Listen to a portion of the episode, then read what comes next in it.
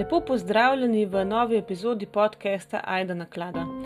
Tokrat bo po prejšnji epizodi, ki je bila bolj paranormalno obarvana, tale res namenjena enemu kriminalnemu primeru, oziroma to je že kar mal večja zgodba, daljša zgodba, za katero sicer predvidevam, da jo mnogi od vas poznate. In sem se tudi sprašvala, ali bi sploh o njej govorila, ali je to že preveč nekako uh, mainstreamovsko poznana zgodba ampak mi je še vseeno tako zanimiva in tako neverjetna, tragična, ogabna po eni strani, um, da res, res bi rada slišala še kakšno mnenje o tem. Uh, tudi tisti, ki ste že veliko slišali o tej, o tej zgodbi, dajte mi povedati, kaj si vi mislite. Um, pa bomo izmenjali kakšno mnenje. Uh, kot že v prejšnji epizodi, naj samo opozorim, da uh, tole ni ravno primerna tematika za kakšne mlajše poslušalce. In tukaj naj mal upozoril, da, da se izognete te epizode, mogoče če ste občutljivi na tematiko umora, samomora, uh, trupel, smrti na splošno, uh, mogoče tudi spolnega nasilja, ki ga v nekaj v tej zgodbi vseeno je. Um, in s temi besedami zaključujem tale uvod in kar gremo na zgodbo o Jonestownu.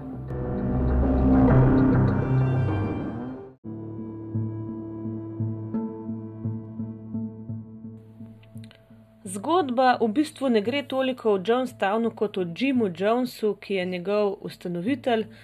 Pa preden začnemo govoriti o Jimu, dajmo povedati nekaj o njegovih starših. Njegova starša sta bila Lineta in James Jones, uh, od tega mogoče najprej naj omenim Jamesa, očeta Jimovega, uh, ki je bil kar kakih 15 let starejši od Jimove matere uh, in tudi veteran prve, prve svetovne vojne, ja, to je bilo še tako zelo kmal. Um, in je bil v tej vojni kar poškodovan.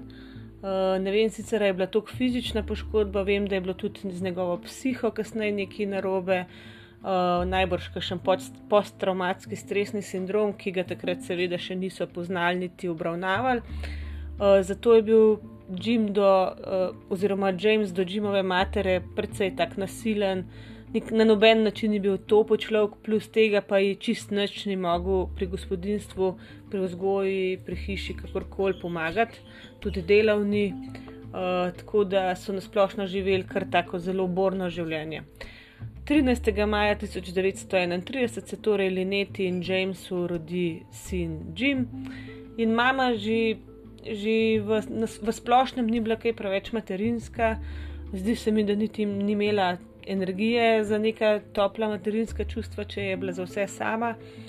Poleg tega pa se je morala kmalo zaposliti še v tovarni, uh, ker, kot rečeno, oče ni nič delal, uh, poleg tega se govori, da je bil tudi alkoholik, pa nasilen, tako da je ona res mogla vzeti kakršno koli delo, da so sploh preživeli.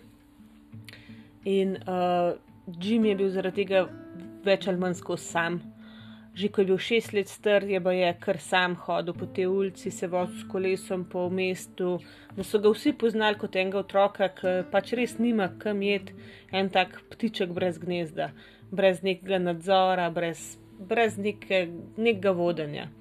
In tako so ga nekako pod svoje okrilje vzeli neke lokalne starejše gospe uh, ki so videli, ne, da ta otrok res nima kam jeti, in so ga začeli s sabo jemati v različne cerkve, v različnih uh, religij, um, predvsem krščanskih ločin. In on je na tak način začel spoznavati religijo in ga je začel to zelo zanimati. Kasneje so se starši preselili k nekim sorodnikom, ker niso zmogli več obdržati tiste nastanitve, kjer so bili prej in tam so v bistvu živeli, kot bi rekel, eni lopi na posestvu teh sorodnikov. Mislim, da so bili celo brez vode, brez sanitarij, zelo tako res, res ubogo. In ta neka revščina oziroma strah pred njo sta Džima spremljala celo življenje. Ne? On je vse čas hlepel po tem, eh, da bi bilo pa njemu kasneje v življenju, pa mogoče njegovim eventualnim otrokom, eh, kasneje seveda boljša. Ne? Kar nekako na nek način seveda vsi razumemo, uh, ker vemo, da je ogromno nekih uh, primerov ljudi, ki so imeli zelo hudo otroštvo, pa si potem želijo ustvariti boljši svet za svoje otroke. Ampak tukaj je šlo vse v rahlo napačno smer. V šoli je bil Jim tak čudak, um, so rekli, da je zelo čudno se obnašal, da se je zelo kmašno, nedeljsko oblačil vsak dan za šolo. Uh, in tudi bral je stvari, ki mogoče za njegova leta niso bile čist primerne, namreč obseden je bil z nekimi ideologijami Marksa, Stalina, Mao Tse-tunga, potem tudi Gandija, Hitlerja, skratka vse neki voditelji, ne glede na to, ali so bili slabi ali dobri, njega je zanimala nekakšna psihologija, pa um, prijemi najbolj znanih svetovnih vodi, voditeljev. Uh, potem je pa tudi postal, kot rečeno, obseden z religijo. In uh, do te mere, da je doma izvajal pogrebe za živali, ampak to ne tako, kot ne, smo mi vsi imeli kakšen pogreb za kakšnega mačka ali pa hrčka ali pa zlato ribico, ki smo jih imeli doma. Ne, ne, on je pobiral živali za cesto, povožene živali in jim prirejal pogrebe.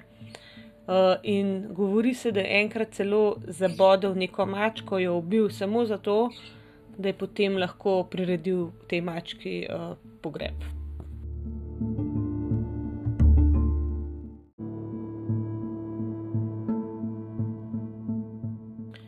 V tem novem okolju, kamor so se preselili, se je njegov oče zelo povezal z lokalnim Kuklux klanom. Zelo je bil rasističen in Jim je bil vse čas z nekim tem hudim rasizmom obkrožen.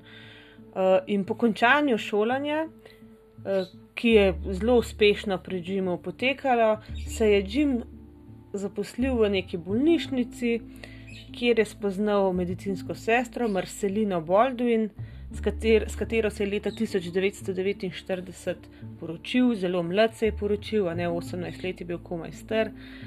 In uh, je z njo ostal do konca življenja, njunih življenj, ki sta se zelo uh, istočasno že končala. Um, boste to zvedeli kasneje, ampak ona je skozi vse, kar boste slišali, ostala z njim.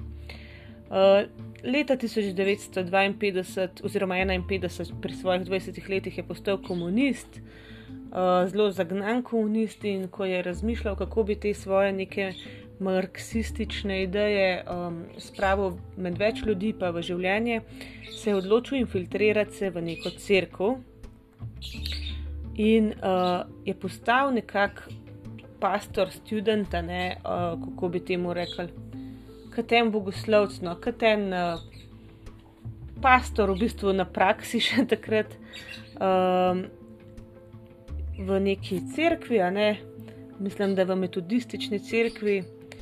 Uh, in je v bistvu opazoval, kako nek pastor tam izvaja neka zdravljenja, uh, pač ozdravljal je ljudi ne, na čudežne načine. Uh, in ko je opozval te zdravljanje, je najprej opazil, seveda, koliko denarja take čudežne v narekovajih ozdravitve prinesejo te crkve.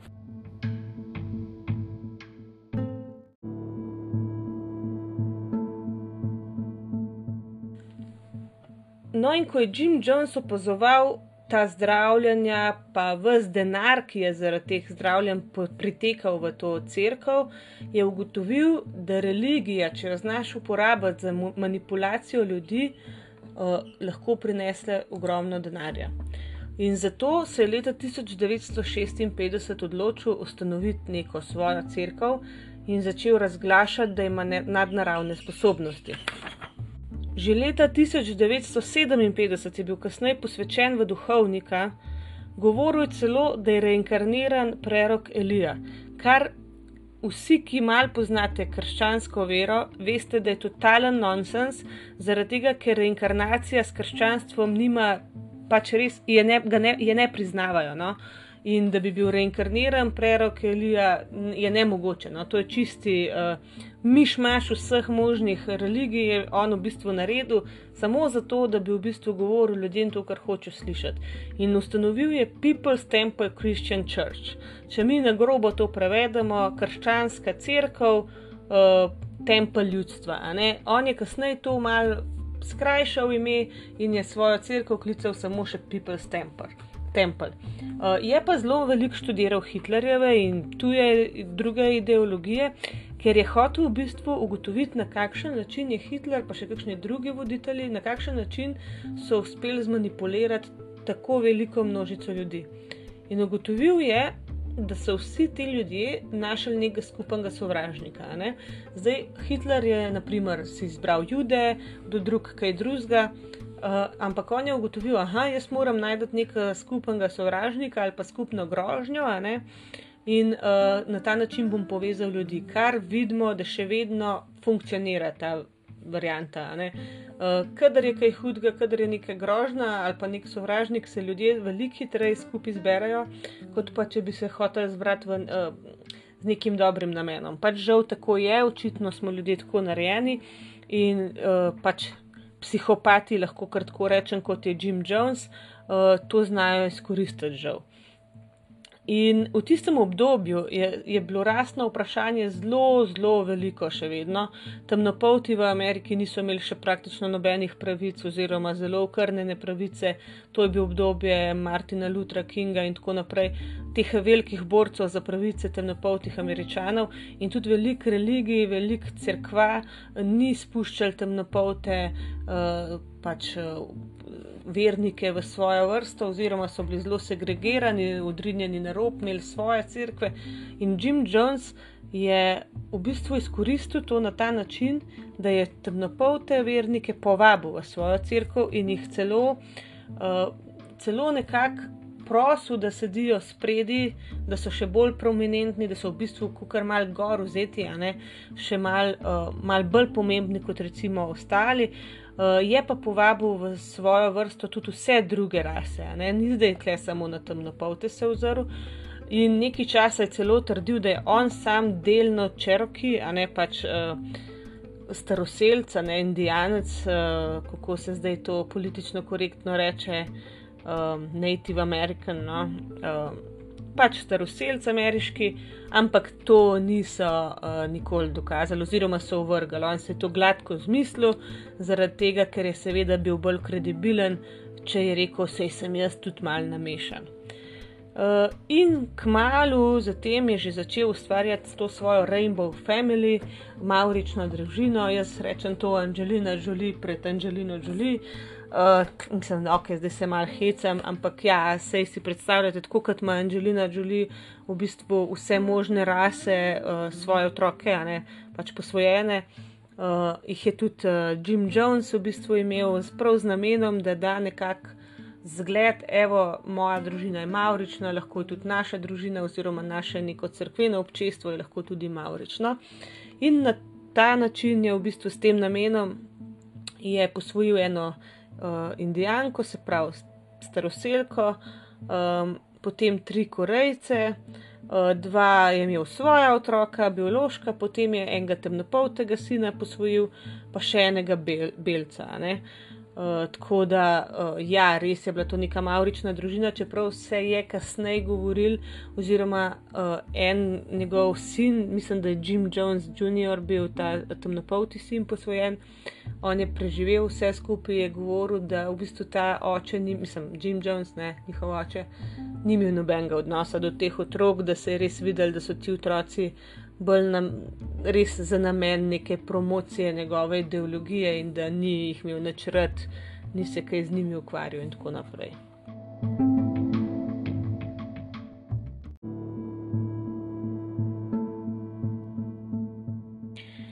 Bil je pa znan kot zelo zagnan, zagret, eh, tak strasten pridigar. Eh, na YouTubu je ogromno njegovih teh pridig, on je kar upil tam, drl se je, mahal z rokami, res zelo dramatično. Uh, ljudje so ga z veseljem poslušali, seveda, to je bila čist nek performance. Ne? Uh, ampak, če si ga dejansko poslušal, o čem govori, uh, je zelo mešal socialistične pa, religi pa neke religiozne ideologije, uh, ki v bistvu niso šle skupaj. On je, če se spomnimo, on v resnici se je identificiral kot ateista, agnostika, ampak je želel nekako prek religije na način, da bi izkoristil religijo je hotel neke te marksistične ideje pač upeljati. In to se je v njegovih teh pridgah res slišal, ker, ker naprimer, jaz sem vaš bog, jaz vam bom ukazal, ampak mi smo vsi enaki. Tako ni, ni imel ene rdeče niti. Kmal je začel res širiti to svojo ideologijo na tako daleč naokrog, da se je odločil iti kukati na neko turnejo po državi, celo najel, oziroma mislim, da celo kupil je avtobuse, s katerimi so se vozili okrog in nekako novačili nove vernike in to na tak način, da so jim enostavno rekli: Pusti vse stvari, prepiši svoje imetje name usedeš se na bus in gremo. In ne morete verjeti, koliko ljudi je to dejansko storil. Sej, če vidimo, kakšen imperij je nekako on zgradil, koliko denarja je rabo že za to, da je nakupil te avtobuse, da je potoval, pol veste, koliko, koliko denarja so njemu ti verniki zapisovali. Najhujše je bilo pa, da je s tem svojim obnašanjem, pa s temi svojimi idejami ponarejenimi, uh, okrog prinesel tudi zelo pomembne politike. Recimo prva dama Rosalind Carter, ne od predsednika Carterja, žena, z njo je bil veliko krat uh, v stiku. Uh, tako da ja. Res je bil očitno manipulator, kar je tudi znano za te razne uh, ljudi, psihopate, mislim, da so bili res zelo manipulativni, no? uh, tudi razni serijski morilci. V glavnem, da si tako uspešen kriminalc, tako velikega obsega, ne moreš biti prav neumen. No? Kljub vsemu pa so se že začele pojavljati neke govorice o njegovih spolnih, fizičnih, pa tudi uh, psihičnih zlorabah svojih uh, sledilcev, to se zdaj sliši, kakšni followeri na socialnih omrežjih, ali pa da jim rečem privržencev. No? Uh, Uh, ampak on je bil res tako spreten pri tem, da se je enostavno z avtobusom prestavil pač na nekem drugem, odstranil svoje uh, te privržence iz tega okolja, da niti niso mogli prisluhniti nekim tem idejam, pa nekim drugim vidikom in mogoče tudi sami kritično malo razmisliti. Uh, uprizarjal je številno zdravljanje. To res, dajte malo pogledati po YouTubu, ogromno je teh posnetkov kako je recimo eno gospod na invalidskem vozičku je bila in je on tam njo sprašval, ali si ti na invalidskem vozičku že celo življenje, je rekla ja, ali ti ne moreš hoditi, je rekla ja. In potem je rekel, zdaj ti pa jaz ukažem, ustani in ona je ostala, hodi in ona je hodila, zdaj pa teč. In ona je laufala, kasneta skira vsak kritičen človek, ki bi od zunaj to pogledal, bi videl, da je stvar dejansko res zaigrana, ker, ker je bilo tako fake, tako, tako očitno zaigran. Ampak pač jaz razumem, te ljudje so bili zaslepljeni, v večini primerov so bili to temnopolti ljudje, ki so bili celo življenje zaterani, tukaj so se pa počutili sprejete in oni so bili pripravljeni verjeti prak, praktično vse. Potem je bil en primer ene enega dekleta, ki je imela na nogi pač malce, ne gips. Uh, in to je bilo še celo tako narejen, uh, kasneje so to ugotovili, da so njo zadrugirali oziroma uspavali, dali so jo spati v glavnem. Uh, ona se vmes ni ničesar spomnila in vmes, ko je bila ona pod vplivom teh substanc, so ji dali na nogo gips. In ko se je zbudila, so ji rekli, da je včeraj si se poškodovala, si padla, si si nogo zlomila, uh, si bila pod narkozo in smo, dal, smo te operirali in dal gips, ti zdaj ne moreš hoditi. No, in potem so jo pelali direkt na neko javno zdravljenje, uh, kjer je Jim Jones rekel: Jaz bom to nogo zdaj pozdravil, ti imaš nogo zlomljeno. Uh, prerežite ji gips, uh, so prerezali gips, stop na nogo, ona je seveda lahko stopila na nogo, ker nogi ni bilo nič, uh, uh, in zdaj spet laufe in ona je tekla in je bila čudežno zdravljena, stvari, ki ji sploh prej ni nič uh, manjkalo. No. Tako da na tak način je on res manipuliral tudi s samimi ljudmi, ne? ker prav to dekle dotično, ona je pol dejansko to verjela. Ne? Sicer za, si je mislila, zakaj, zakaj bi sploh lagali, spomnila se ni, najbrž je že res.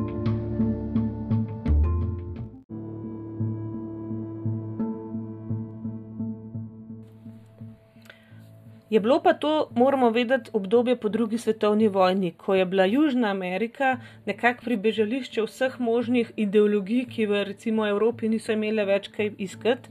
Uh, vsi dobro vemo, koliko nacistov je prebežal tja, naprimer Mengele. In uh, je predvideval Jim Jones, da bi nekako ta njegova ideologija tam bolj našla prostor kot v Severni Ameriki dolgoročno. In je enkrat odpotoval v Brazilijo, da bi videl, če bi bil tam nekako um, nekako mesto oziroma prostor za ta njegov kult oziroma nekakšno kolonijo, ki bi jo ustanovil. In se po poti nekako ustavil v Guajani, to je bila takrat britanska kolonija, uh, in tam kupu zemljo. To je v bistvu ena majhna država, sred džungle je kupu zemljo, je pa to ena, v bistvu edina država Južne Amerike, ki je imela angliščino kot uraden jezik. Uh, tako da se mu je zdela idealna za to, in uh, sred džungle on kup uh, ogromen zemlje, tukaj spet vidimo, koliko denarja je v resnici imel, in uh, ustanovi Jonestown. Tolk je bil narcisističen, da je celo to kolonijo poimenoval poseb. Če bi mu bilo mar za to svojo religijo, za ta svoj kult, bi seveda to poimenoval recimo People's Temple Land ali pa karkoli, ampak ne, on je poimenoval. Eh, kolonijo Jonestown. To je bolj tako, kot če bi jaz rekla Aida grad ali pa Aidavil.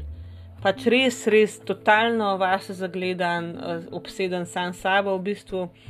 Uh, in tja je poslal kar nekaj svojih privržencev, večinoma temnopoltih moških, tukaj se tudi vprašamo, koliko je bil resnično, uh, bi rekel, Eh, koliko ni bil rasist, eh, mogoče jih je tudi uporabil, zato ker so bili takrat še pregovorno kao močnejši, jih je poslal dol v džunglo, zato da so oni izsekali tisto območje, uh, ga uredili, ga pripravili, da bi bil primeren za življenje in začeli z gradnjo nekakšnih hiš in drugih stvari. Kaj ti on si je predstavljal, to je bila pa res čista, marksistična, ideološka zadeva, neko kolonijo, ki je samo skrbna, kjer vsi delajo za vse in vse je od vseh. Če to ni pač ideja komunizma, polni noč, oziroma socializma tudi, ne? vsi za vse, kar na splošno. Ni slaba ideja, dokler ni nekoga, ki to izkoristi.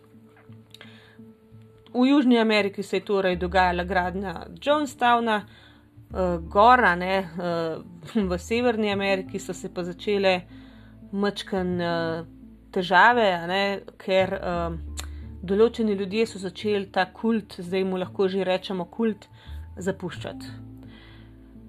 Jim Jones je vedel, da se znotraj uh, njegovega kulta med njegovimi privrženci vse sorte stvari govorijo ker uh, Jim Jones je tudi začel zlorabljati droge, postajal vse bolj nenavaden, kar se obnašanja tiče. Um, je imel si pravice do spolnih odnosov z recimo ženami svojih uh, privržencev, uh, tudi z moškimi. Nekaj se je tudi govoril, da je tudi z mladoletnimi osebami um, razne stvari počel, ki jih ne bi smel. Uh, in nekateri ljudje so pa seveda hoteli takšno zadevo zapustiti je pa bil tako obseden s kontrolo, da je določil ljudi, ki so mogli se obnašati kot nekako vohuni med svojimi lastnimi ljudmi. In um, takoj, ko so zvedeli, da naprimer nekdo želi zapustiti ali pa neke dvome o Jimu Jonesu ali pa njegovemu ravnanju šir med ostalimi uh, privrženci, so ga pač mogli zatožiti, a ne Jimu Jonesu. In on je dal to osebo tako brutalno pretepst, da, da je, mislim, da ni nikoli več upala niti pomisliti na kaj takega. Tako da v tem pogledu me mogoče zadeva mečkan spominja na scientologijo, če ste kaj um, že to raziskovali. Oni imajo dejansko zapovedano tožarjenje svojih soljudi uh, voditeljem verskim. Se pravi, tudi če tvoj mož tep neki čist zaupno reče, malo pojamrati, moraš, moraš jeti uh, to zatožati. In to je naredil tudi Jim Jones. Ne? In meni se zdi, da v bistvu je to najhujše, kar se lahko zgodi, da ti znotraj svoje lastne skupnosti, svojemu sobratu, da jim rečeš, uh, ne moreš zaupati.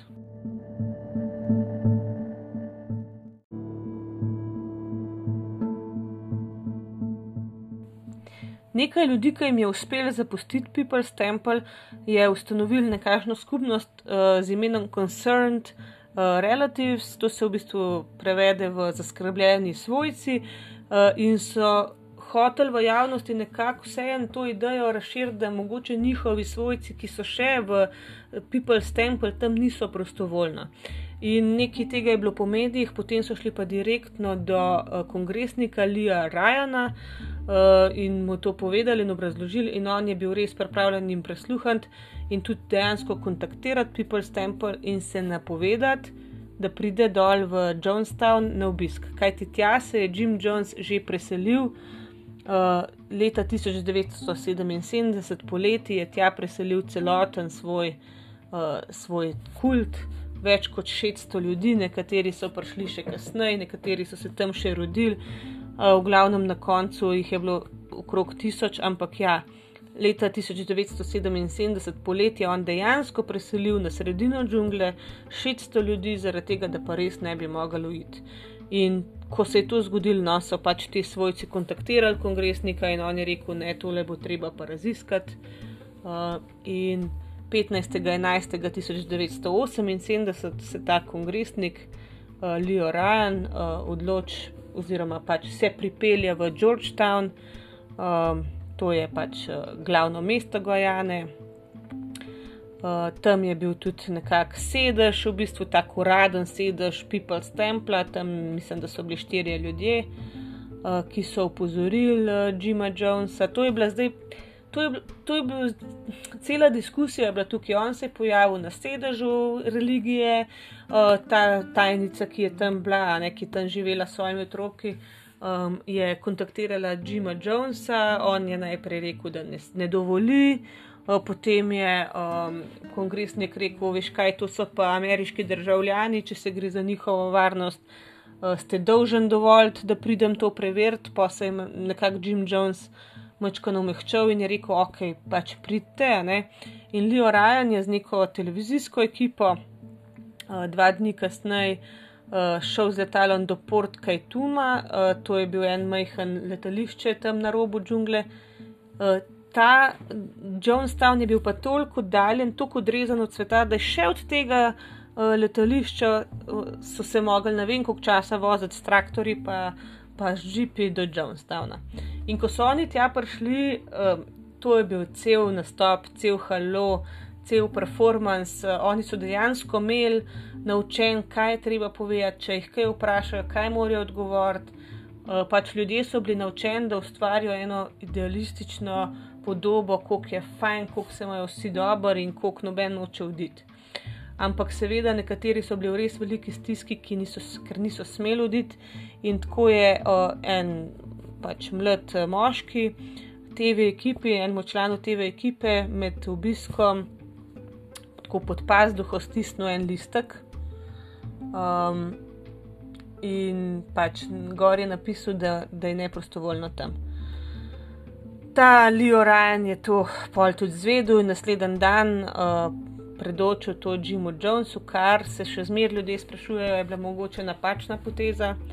Uh, kaj ti, kar se je kasneje zgodilo, je pa v bistvu ena največjih tragedij v zgodovini ZDA, uh, kaj je še zdaj tako, no, težko razumemo, da se je to res zgodilo.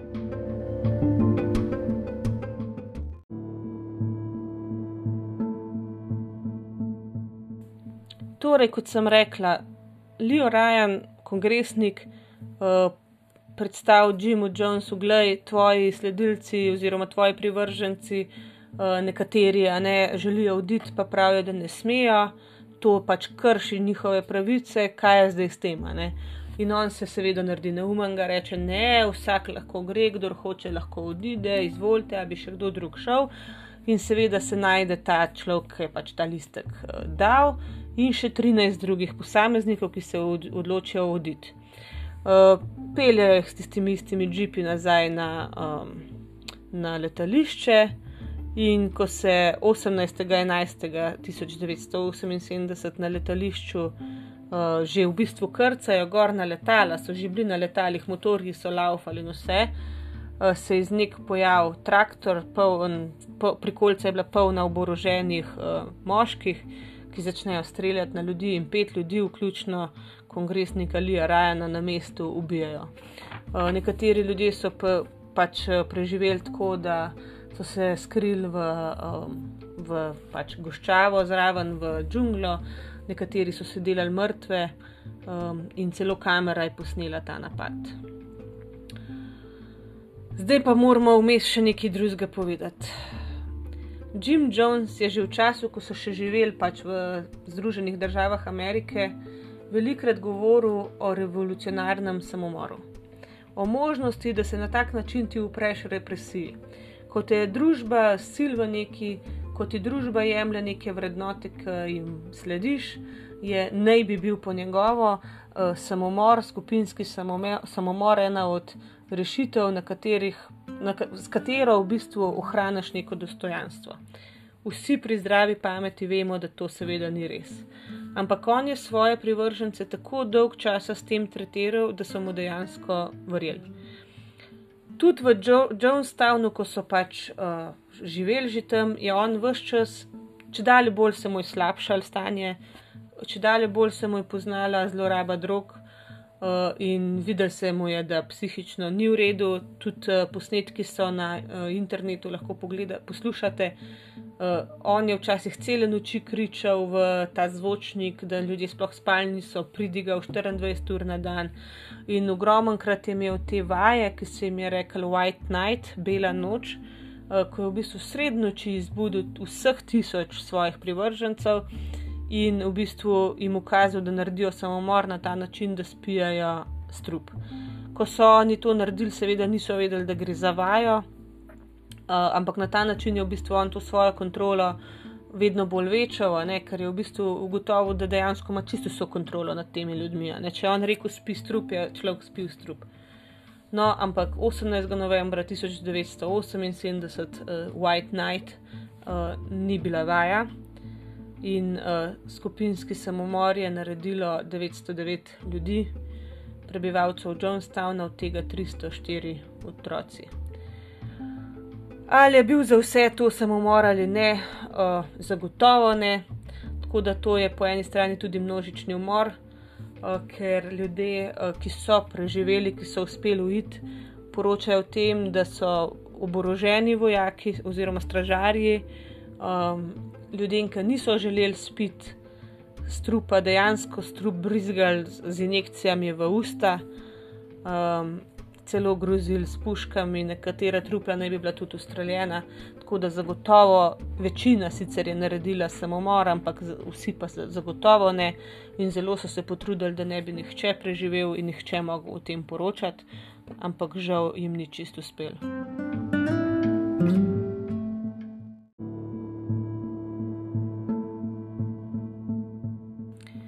Kot sem že rekla, se je Jones na ta dogodek pripravljal že leta in leta prej. Še preden so v bistvu ljudje živeli v Jonestownu, je on tja naročal ogromne količine cianida.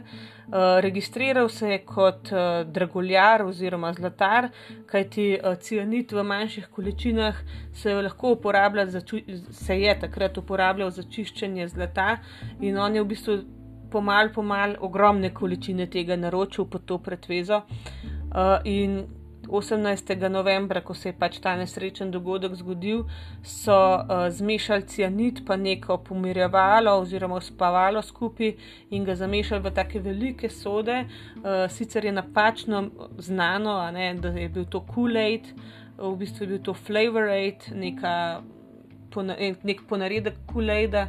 Uh, če pa ne veste, sploh kaj je Kool-Aid, to je neka ameriška varianta, kot bi rekel, CD-vita, samo veliko bolj nezdravo, pa veliko bolj sladko, v bistvu kot nek prašek, s katerim narediš sadno pijačo, uh, pa umešaš še sladkor, pa take stvari. No, ampak on je na mestu sladkorja v Kool-Aid oziroma Flavor Aid umešal cianit in pomirjevala.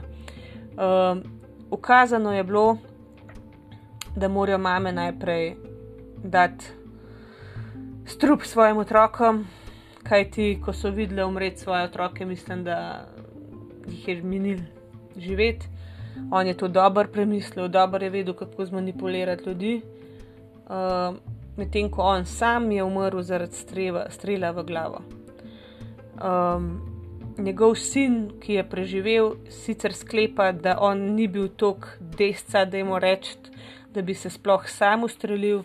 je prepričan, da, da je nekomu drugemu naročil, da ga ustreli, čeprav po obdukciji in preiskavi so vseeno sklenili, da poškodbe ustrezajo samomoru. Ampak ja, on se ni odločil za zastrupitev, ki je najbrž veliko bolj boleča in neprijetna kot pa strel v glavo.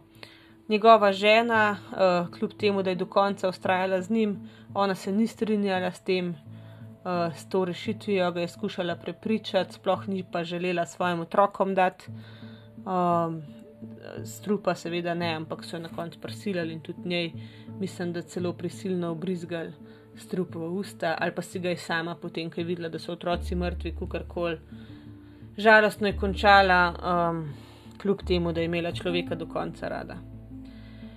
Njegovi trije sinovi posvojeni so preživeli zaradi tega, ker so bili istočasno na košarkarski tekmi.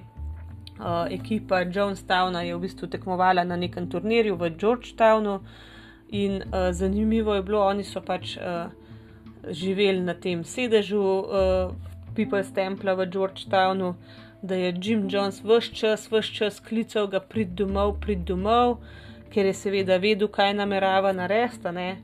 Um, mama na drugi strani mu je pa rekla, ustan tam, ne, ker je hotela vsaj nekaj svojih otrok rešiti. Uh, on je dobil občutek, kaj se dogaja, mislim, da je dobil celo nek klic, kaj se bo zgodil. Uh, sin namreč ne, se je vrnil na sedež People's Temple in ugotovil, da je tudi tam ta tajnica ubila sebe in svoje tri otroke. Ona naj bi jih celo uh, z nožem ubila in sebe. Tako da vid, vidimo, koliko je imel res kontrole nad ljudmi. No. Um, zdaj, če vas zanima, na kak način je v bistvu sploh prepričal, kaj je dal kot razlog, da naredijo skupinski samomor, on je v bistvu rekel, je to se je na letališču zgodil in uh, neke oblasti hoče nas uničiti. Uh, zdaj, ker smo pa ubili kongresnika, bojo prišle pa sem in nas vse poklale, poklali bojo vaše otroke, vas bojo zasužnili, da jim dostojanstveno umreti na ta način je on jih um, prepričal v samomor, in tudi vse čas, ko so ljudje umirali, se obstaja 45-minutni zvočni posnetek, uh, jog, kričanje, grozen, no? uh, pač umiranje skoraj tisočih ljudi. In v zadju Jim Jones uh, kriči: White Knight, White Knight, Mother, Mother, Mother, uh, Mother, Mother, Mother, sam to ponavlja, kao mama, da je svojega otroka odriš um, grozen, grozen, grozen, kako je lahko en bolan um uh, koštavl svet 900 življenj. No. Do 11. septembra je bila to največja izguba življenj ameriških državljanov v enem kosu.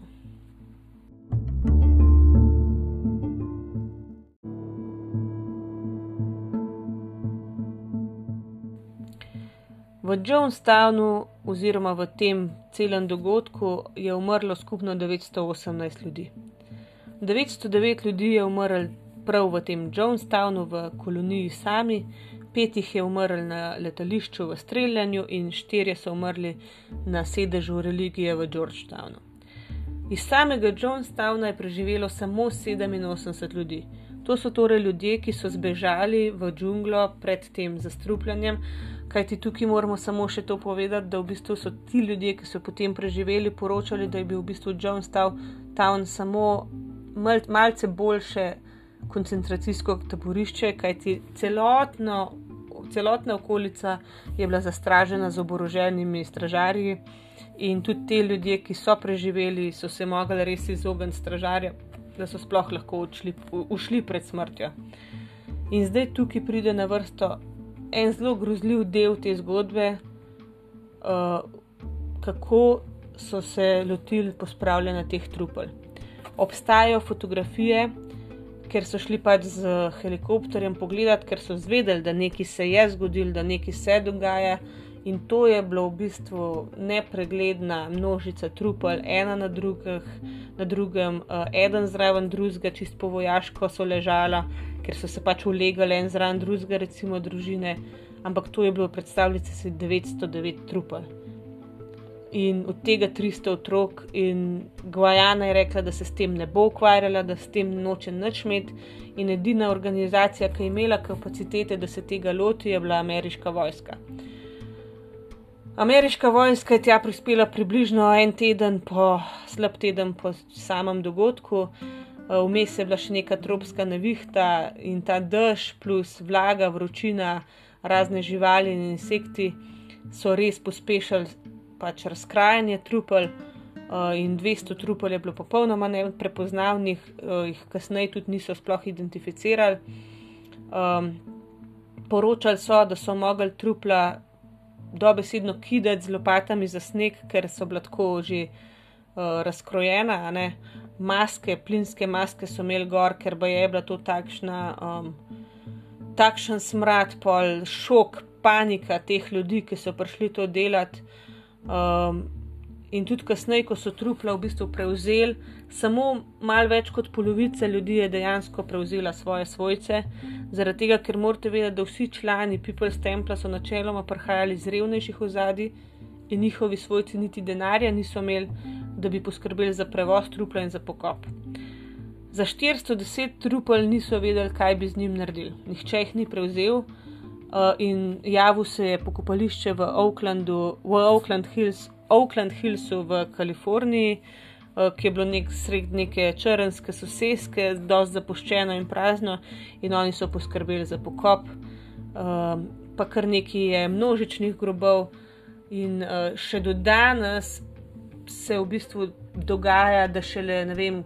Vsako leto kakšno spominsko ploščo odprejo, da so res vsa imena napisana. No. Uh, Eh, tako da to je res grozen. Če dam samo en podatek, da je še leta 2014 se, se je najdel devet kremiranih uh, posmrtnih ostankov, ki so jih svojci prevzeli.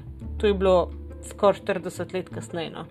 Ker so enostavno po vseh možnih teh uh, mrtvašnicah po državi razvozili te uh, trupla uh, jih kremirali, identificirali, kar se je dal, in dobesedno svojci ali niso imeli denarja, ali niso prišli do njih, jih niso našli. To je bila res taka masa posmrtnih ostankov, da, da je bilo grozno težko se s tem, uh, s tem ukvarjati. Je bil pa to še. Še na en način zelo pomemben, oziroma tako velik dogodek, kajti to je bil prvi dogodek, ko so dejansko zabeležili in se ukvarjali s tem, uh, posttraumatsko stresno motno. Vemo, da to je bilo že prej, vemo, da se je to že prej dogajalo, da se je pojavljala, da so jo občutili ljudje, ampak po tem dogodku so pa dejansko zelo velik poudarek dal na tem, kaj so ti first responderji, ne ti prvi posredovalci, ki so šli dol, uh, trupla prevzeti, um, pol podoživljali. In še zdaj, ki je več kot 40 let od tega minil, poročajo te ljudje, da se jim še zdaj sanja, uh, da jih še zmeraj to preganja, predvsem pa 300 otrok. Ne. Ko so mogli, naprimer, 3-4 malčke v isto torbo za truplo pospraviti, ker niso imeli dost uh, kapacitet. Tako da grozen, grozen, grozen dogodek, uh, ogromna izguba življenj, povsem nepotrebna izguba življenj, uh, ki se ne bi smela nikoli več ponoviti.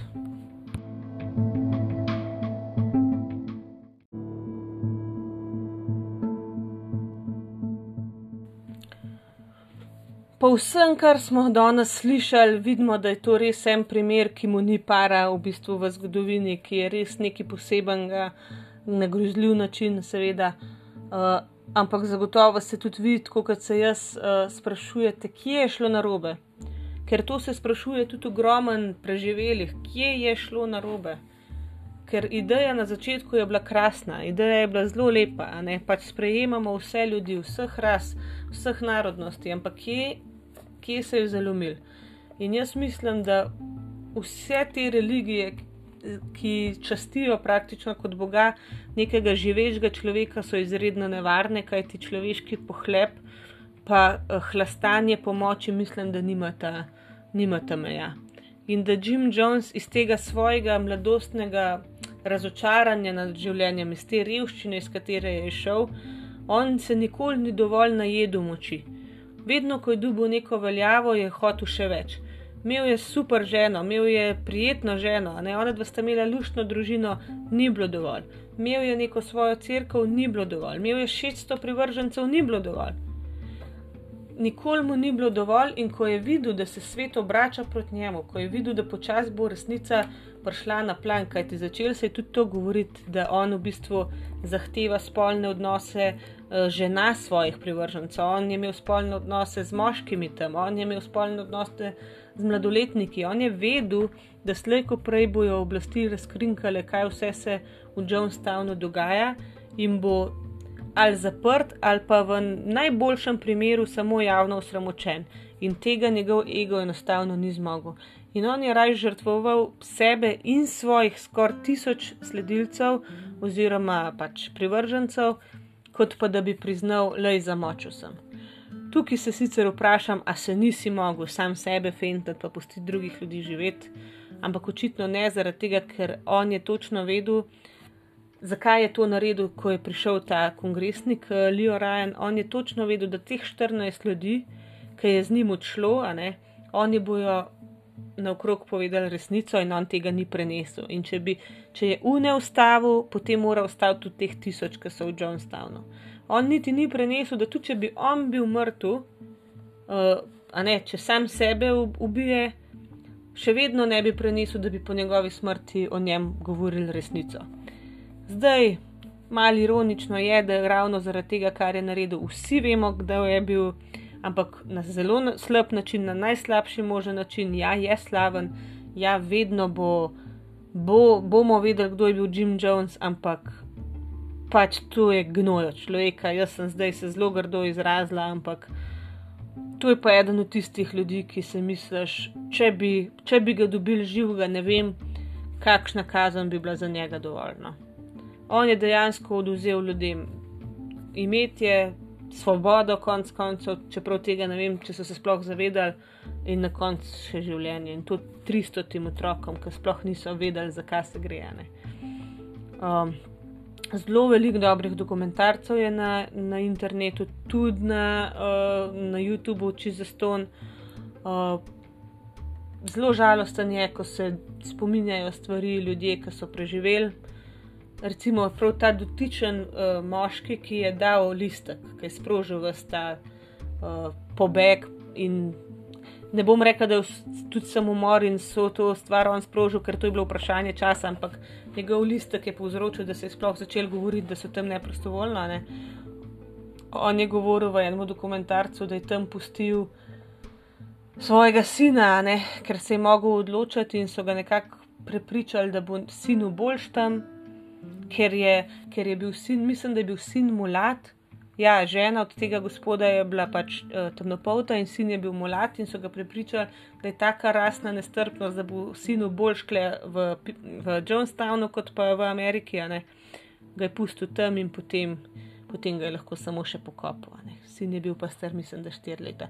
Tako da res je žalosten, ko vidiš to razočaranje nad samim sabo. No? Uh, kako so ti ljudje razočarani nad samimi sabo, kako so lahko verjeli, kako so lahko sledili, uh, nasedali. Ampak jaz mislim, da pač vsak, ki je bil kdaj prvržen z kašnega kulta, polk je stvar mim, isto si misel, ko je pa v tisti situaciji, je pa zelo težko prepoznati neke napačne vzgibe. No. Kaj ti, kot sem že prej rekla, najhujši kriminalci so ponovadi zelo karizmatični, inteligentni in manipulativni, in oni točno vejo, na katere karte igrati, da bojo svoje dosegli.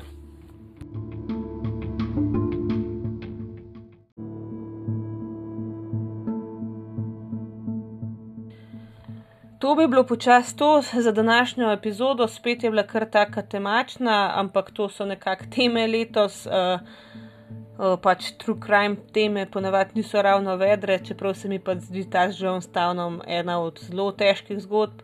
Mogoče samo zanimivost, kako sem uh, sploh zvedla za to zgodbo. Enkrat sem po naključju nekje gledala oprah, nek, eno od oddaj, v kateri je uh, oprah gostila uh, nekako sorodnike najhujših zločincev in kako se oni s tem soočajo, s to uh, v bistvu zapuščino svojih sorodnikov. Uh, Um, bila je sestra Johna Wayna Gacyja, tega serijskega morilca znana, znanga, in bil je tudi Jim Jones Jr., pač sin posvojen od Jima Jonesa.